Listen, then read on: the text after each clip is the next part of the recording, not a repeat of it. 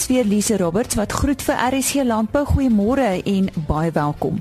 Ons gesels ver oggend met die Sernik groep oor sertifisering. Ons kyk wat in die Oktober markte gebeur het. Ons vind meer uit oor die veevoerbedryf en wat die impak van die droogte daarop gehad het. Ons praat met 'n regsgeleerde oor bruselose en die sampioenbedryf in Suid-Afrika kom ook onder die soeklig. Bly ingeskakel. Nou eers 'n brokkie landbou nuus. Die Misstofvereniging van Suid-Afrika, oftewel Vertasa, kry 'n nuwe hoofuitvoerende beampte. Dit volg nadat die vereniging bekend gemaak het dat Dr Pieter Houman die pos vanaf Januarie aanstaande jaar beklee. Houman is aangewys in die plek van Adam Mostert, wie die pos vir etlike jare met groot sukses beklee het. Houman is reeds sedert die aanvang van sy professionele loopbaan by Vertasa betrokke, waar hy onder andere as lid en voorsitter van die tegniese komitee gedien het en later ook 'n raadslid en erelid geword het. Hy was onder andere instrumenteel in die hersiening van die misstof handboek. Houman besit 'n doktorsgraad in grondwetenskappe van die Universiteit van die Vrystaat en 'n MBL van Unisa. Hy was onder andere by Sasol Kunsmis, Suidwes Koöperasie en Grasland Ondernemings werksaam. Die Sernik Groep het bekend gemaak dat hy pas FSSC 22000 sertifisering vir nog 2 eenhede in die groep ontvang het. Nou vir meer duidelikheid hieroor, Karel Serfontein, uitvoerende hoof van die Sernik Groep, Henny Maas het met hom gesels. Dit dis nou 'n moeilike begrip. Vertel vir ons presies wat is dit, Karel? Daar sê nie baie dankie. Dit staan vir Food Safety System Certification. Ehm um, en wat dit basies is, dis 'n internasionale sertifisering uh vir voedselveiligheid. So ons het dit by ons abattoir gekry al verlede jaar en ons het nou ons voerkraal en ons veevoerfabriek ook gesertifiseer gekry. Uh, moet julle daarvoor aansoek doen of is daar uh, outomatiese inspeksies? Weet jy nie, dis 'n redelike lang proses van stel om om stelsels in plek te kry. Ehm um, en daarna moet dan mens geaudit word en daarna word ehm um, die audit afgestuur oor see internasionaal vir goedkeuring deur die deur die hooforganisasie. Hoekom is dit uh, vir julle belangrik dat julle hierdie sertifisering kry?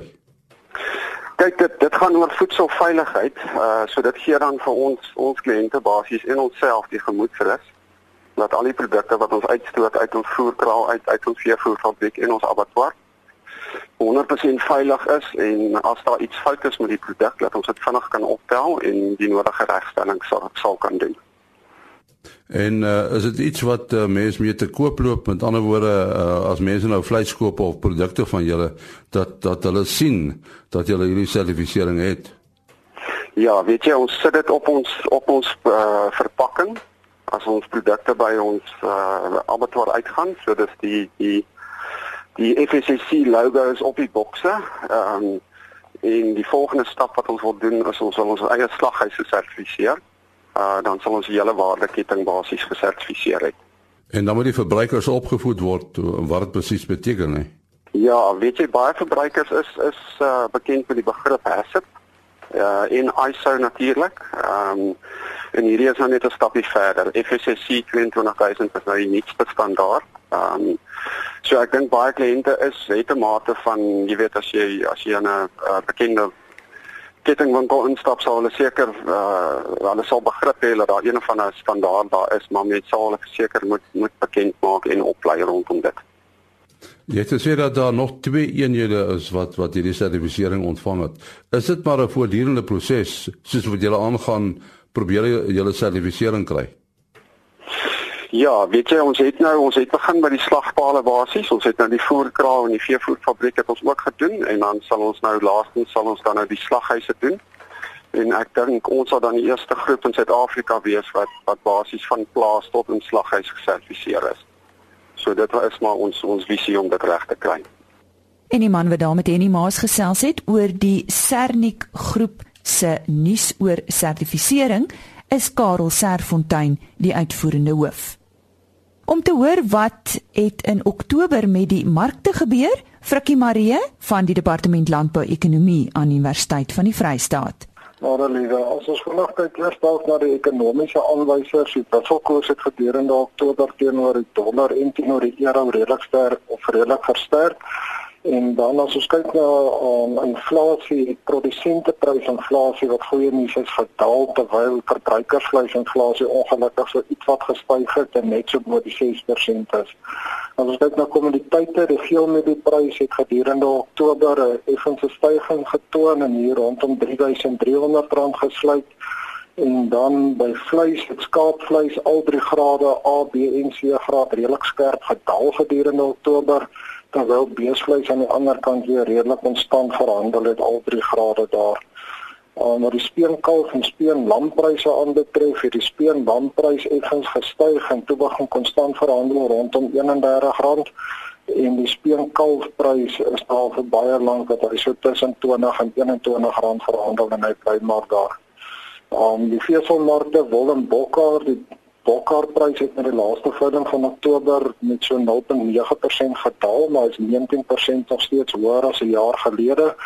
En Bokkaar aan die ander kant het ook met 9% gedaal tot die laaste veiling, maar hy's net 1.6% hoër as 'n jaar gelede en daai mark is op die stadium bietjie traag.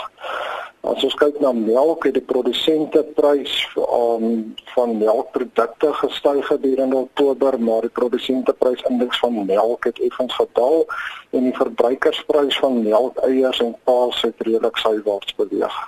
En dit is die markte vir Oktober. En ons sê baie dankie aan Frikkie Marie wat vir ons meer vertel het wat het met markte gebeur in Oktober. Dis nie altyd maklik om 'n boer te wees nie. Daarom het Bayer besluit dis hoogtyd dat jy die boer bedank word vir jou ondersteuning en die kos wat jy daagliks op ons tafel sit. Bayer stel graag sy reuse Bayer Dankie beloningsprogram bekend, die eerste van sy soort vir die Suid-Afrikaanse boer.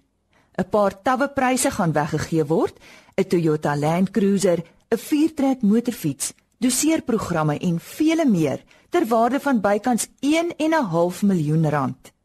Hou die pers maandeliks dop vir ongelooflike pryse, gratis produkpromosies, krap en wen promosies en nog vele meer. Kontak jou plaaslike Bayer agent nou of besoek jou naaste agribesigheid en kry die beloning wat jy verdien.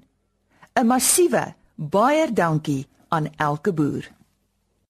Hoe het voorsieningstekorte soos mielies vir jare invloed op die veevoerbedryf gehad? En wat is die belangrike rol wat GMO mielie-invoere vanuit Amerika in die voervoorsieningsketting speel? Martie Kerstyn gesels ver oggend verder en dit is ook die laaste onderhoud met die Wet Boshoff, uitvoerende direkteur van Afma. En Afma staan natuurlik vir die Animal Feed Manufacturers Association. Ons uitdagings hierdie jaar was met die droogte wat wat 'n uh, redelike hoogtepunt bereik het hierdie jaar na omtrent 2 jaar daar weet voorheen sit so droogte wat aangekom het. Uh, die groot uitdagings was natuurlik die voorsiening van ons insette tot die voerbedryf en hoofsaaklik was dit mielies en uh, ook soja. Nou mielies gebruik ons omtrent van enige ton voer is daar 55 tot 60% van die ton voer bestaan uit mielies en omtrent 30% van die van die voer bestaan uit soja. Nou, ons groot uitdaging was met die droogte situasie om mielies in Suid-Afrika te kry. Natuurlik ons is nie uh in sinkronisasie met Amerika nie. Wel is ons met Argentinië en Brasilië. So geel mielies was nie 'n regte probleem om dit in te voer nie aan die voedselkant waar witmielies 'n groot rol speel.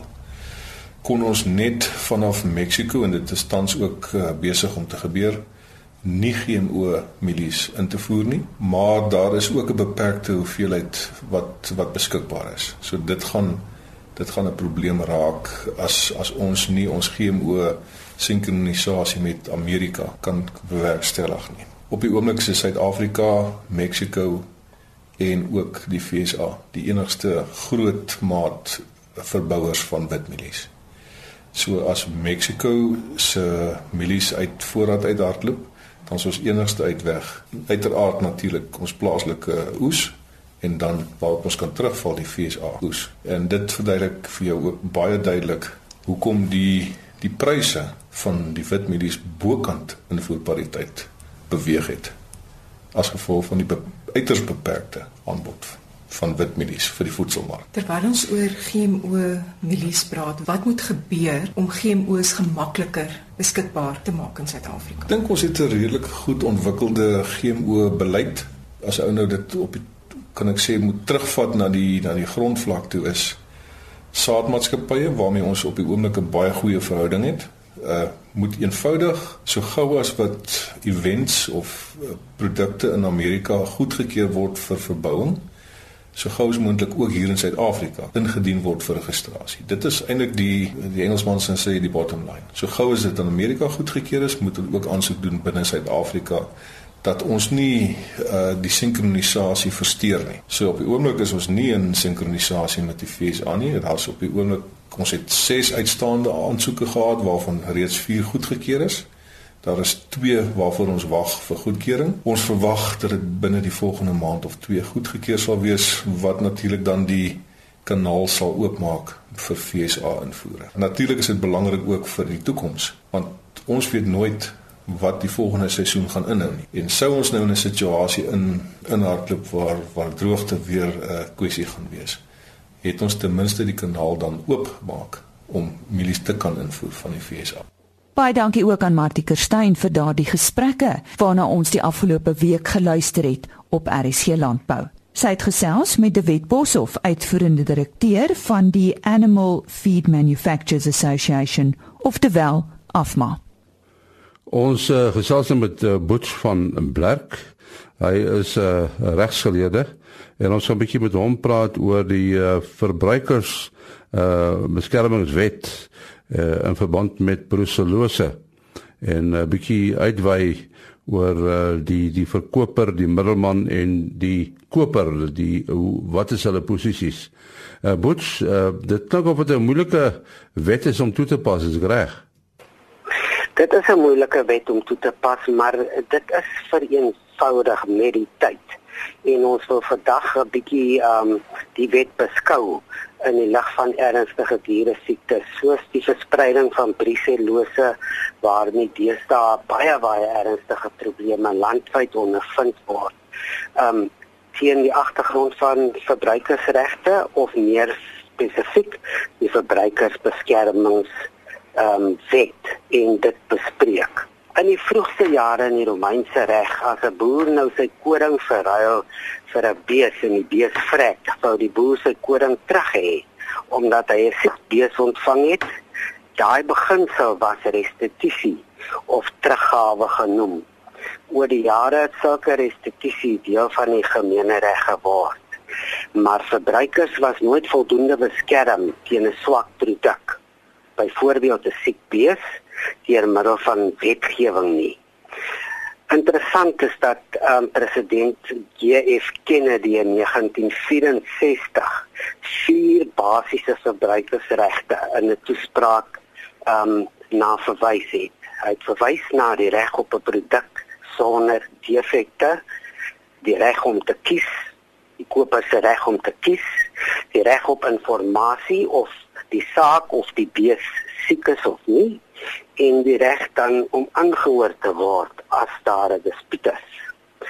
En in ons land um, op 31 Maart 2011 het die Verbruikersbeskermingswet van 2008 in ons regstelsel in werking getree.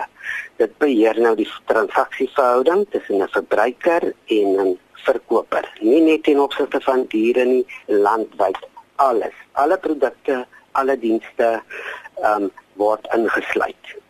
Die Suid-Afrikaanse Verbruikersbeskermingswet is 'n mengsel van internasionale best practices waarna verwys word wat dit genoem word wat betref die reël van verhoudings tussen verkopers en kopers omdat koop en verkoop 'n eeuoue sakepraktyk uitmaak, het hierdie wet ten doel dat wanneer 'n gebrekkige saak of siek dier aan 'n verkoper verskaf word, hy die reg het om sy prys wat hy betaal het terug te eis.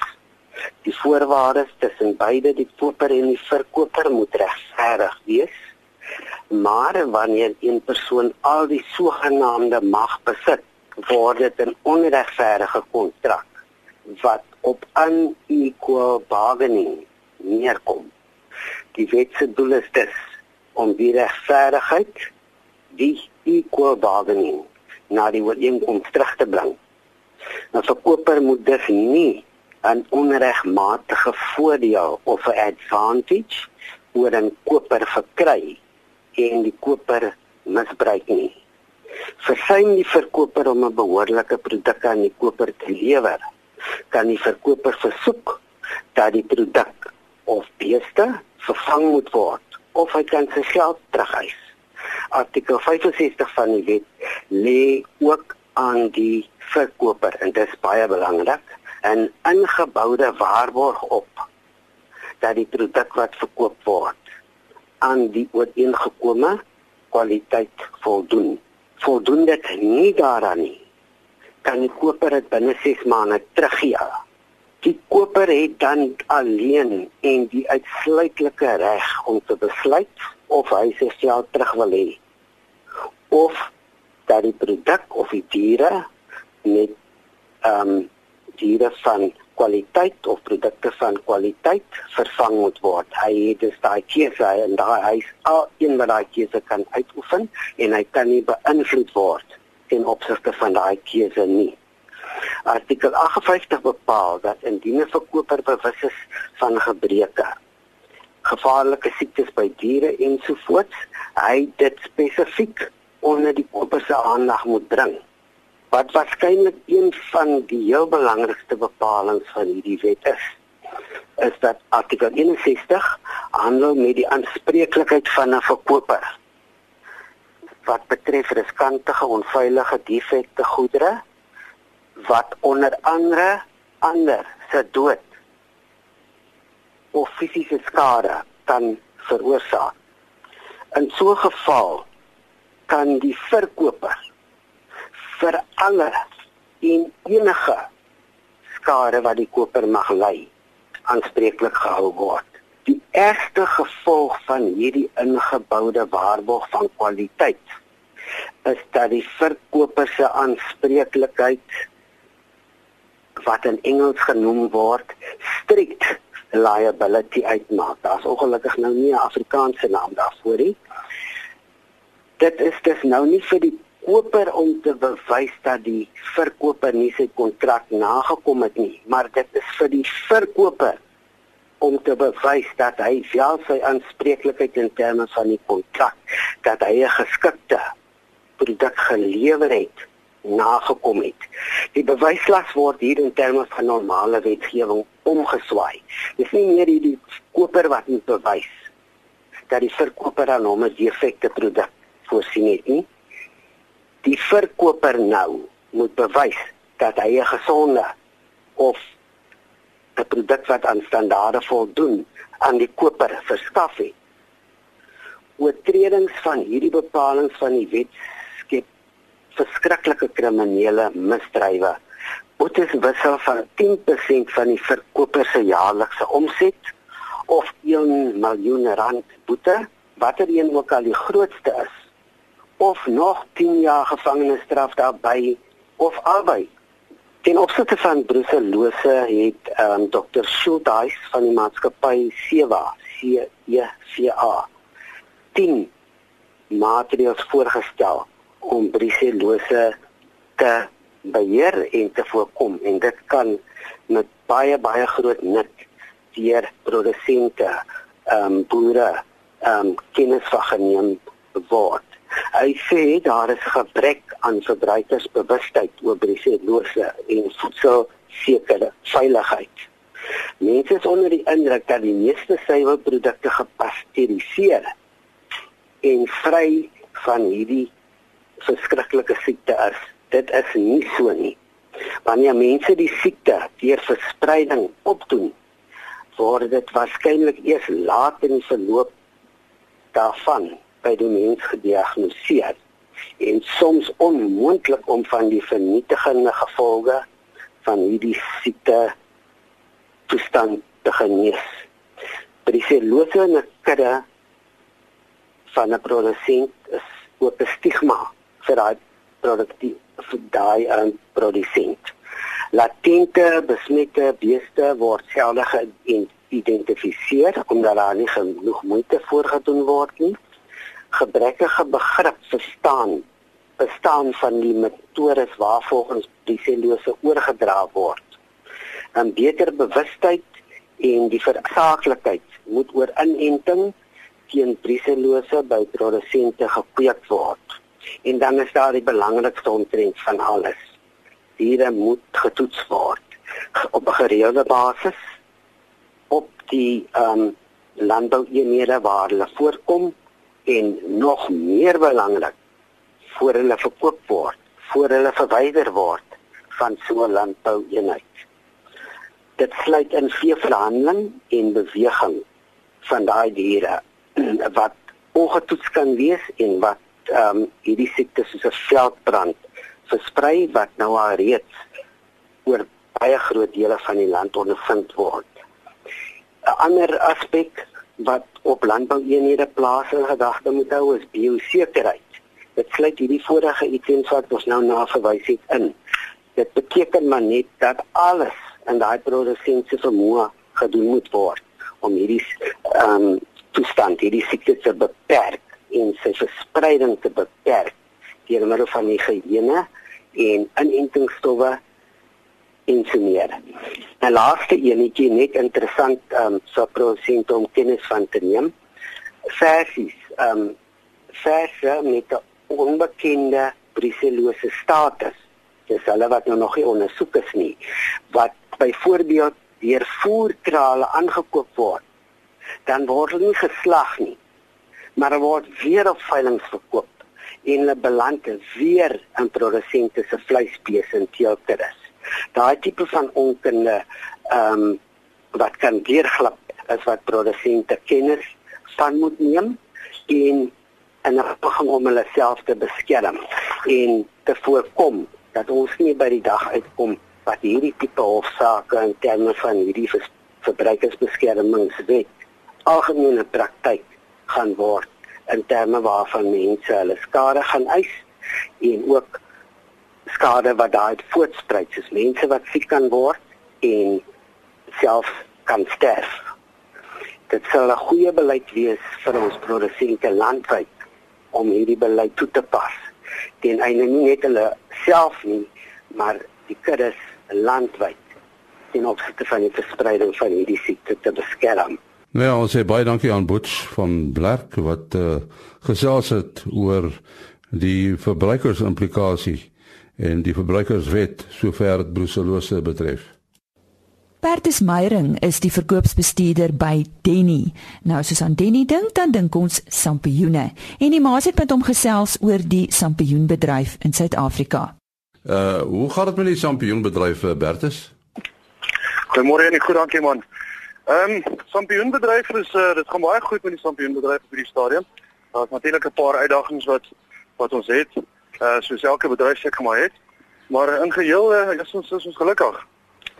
Dis 'n tamelike groot bedryf, nê? Nee. Wat wat is die omvang van die bedryf?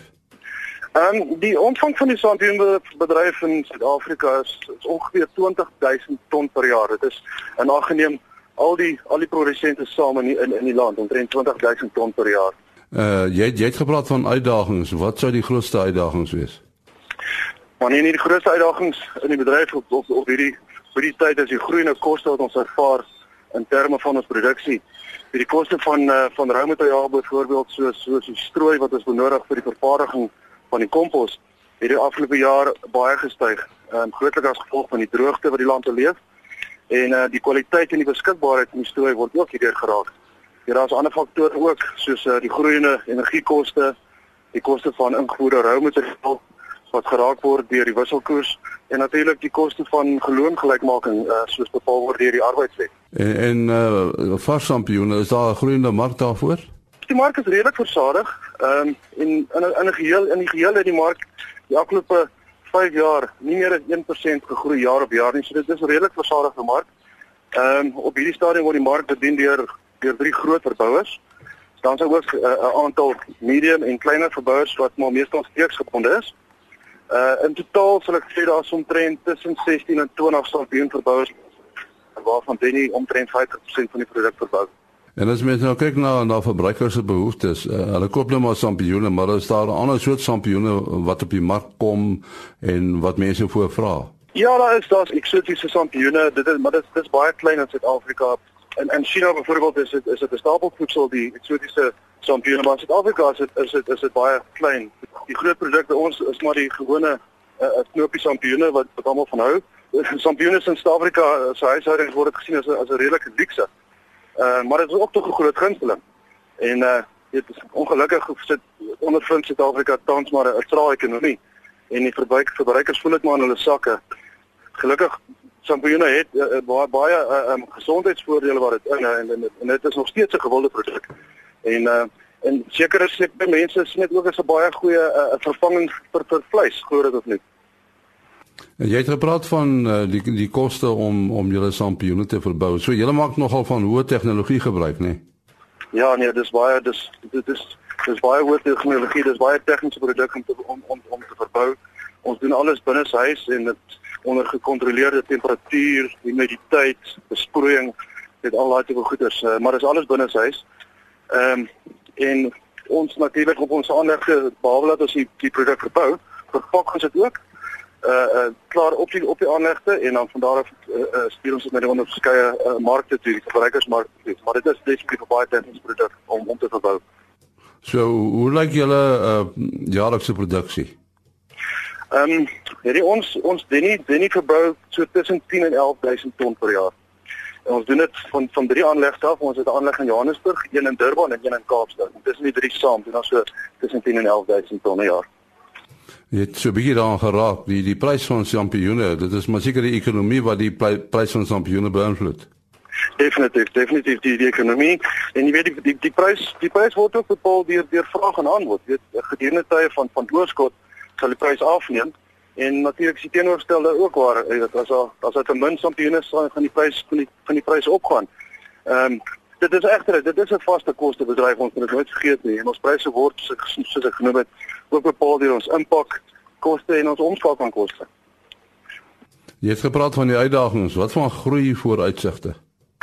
Ehm um, die groei vooruitsigte is redelik positief, maar dit is direk gekoppel aan die land se ekonomiese groei. Uh, weet as, as die ons is soos ek gesê het ons is in 'n trae ekonomiese klimaat op hierdie stadium, so dit die, die, die on, ons voel dit wel, maar die maar die die die groei is definitief positief en En die industrie is wat baie, dit is dit is dis dis nie altyd maklik nie.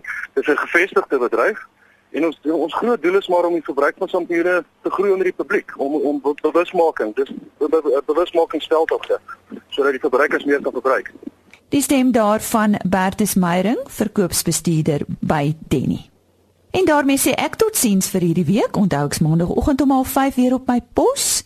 Chris Viljoen môreoggend op sy pos om kwart voor 5 sowel as net so voor 12:00 Saterdagoggend met nog RSG landbou nuus. Mag dit met u goed gaan en ons vertrou dat u goed sal uitrus hierdie naweek. Totsiens. RSG landbou is 'n produksie van Blast Publishing. Produksieregisseur Henny Maas. Aanbieding Lisa Roberts. En uitskoördineerder Martie Kerstyn.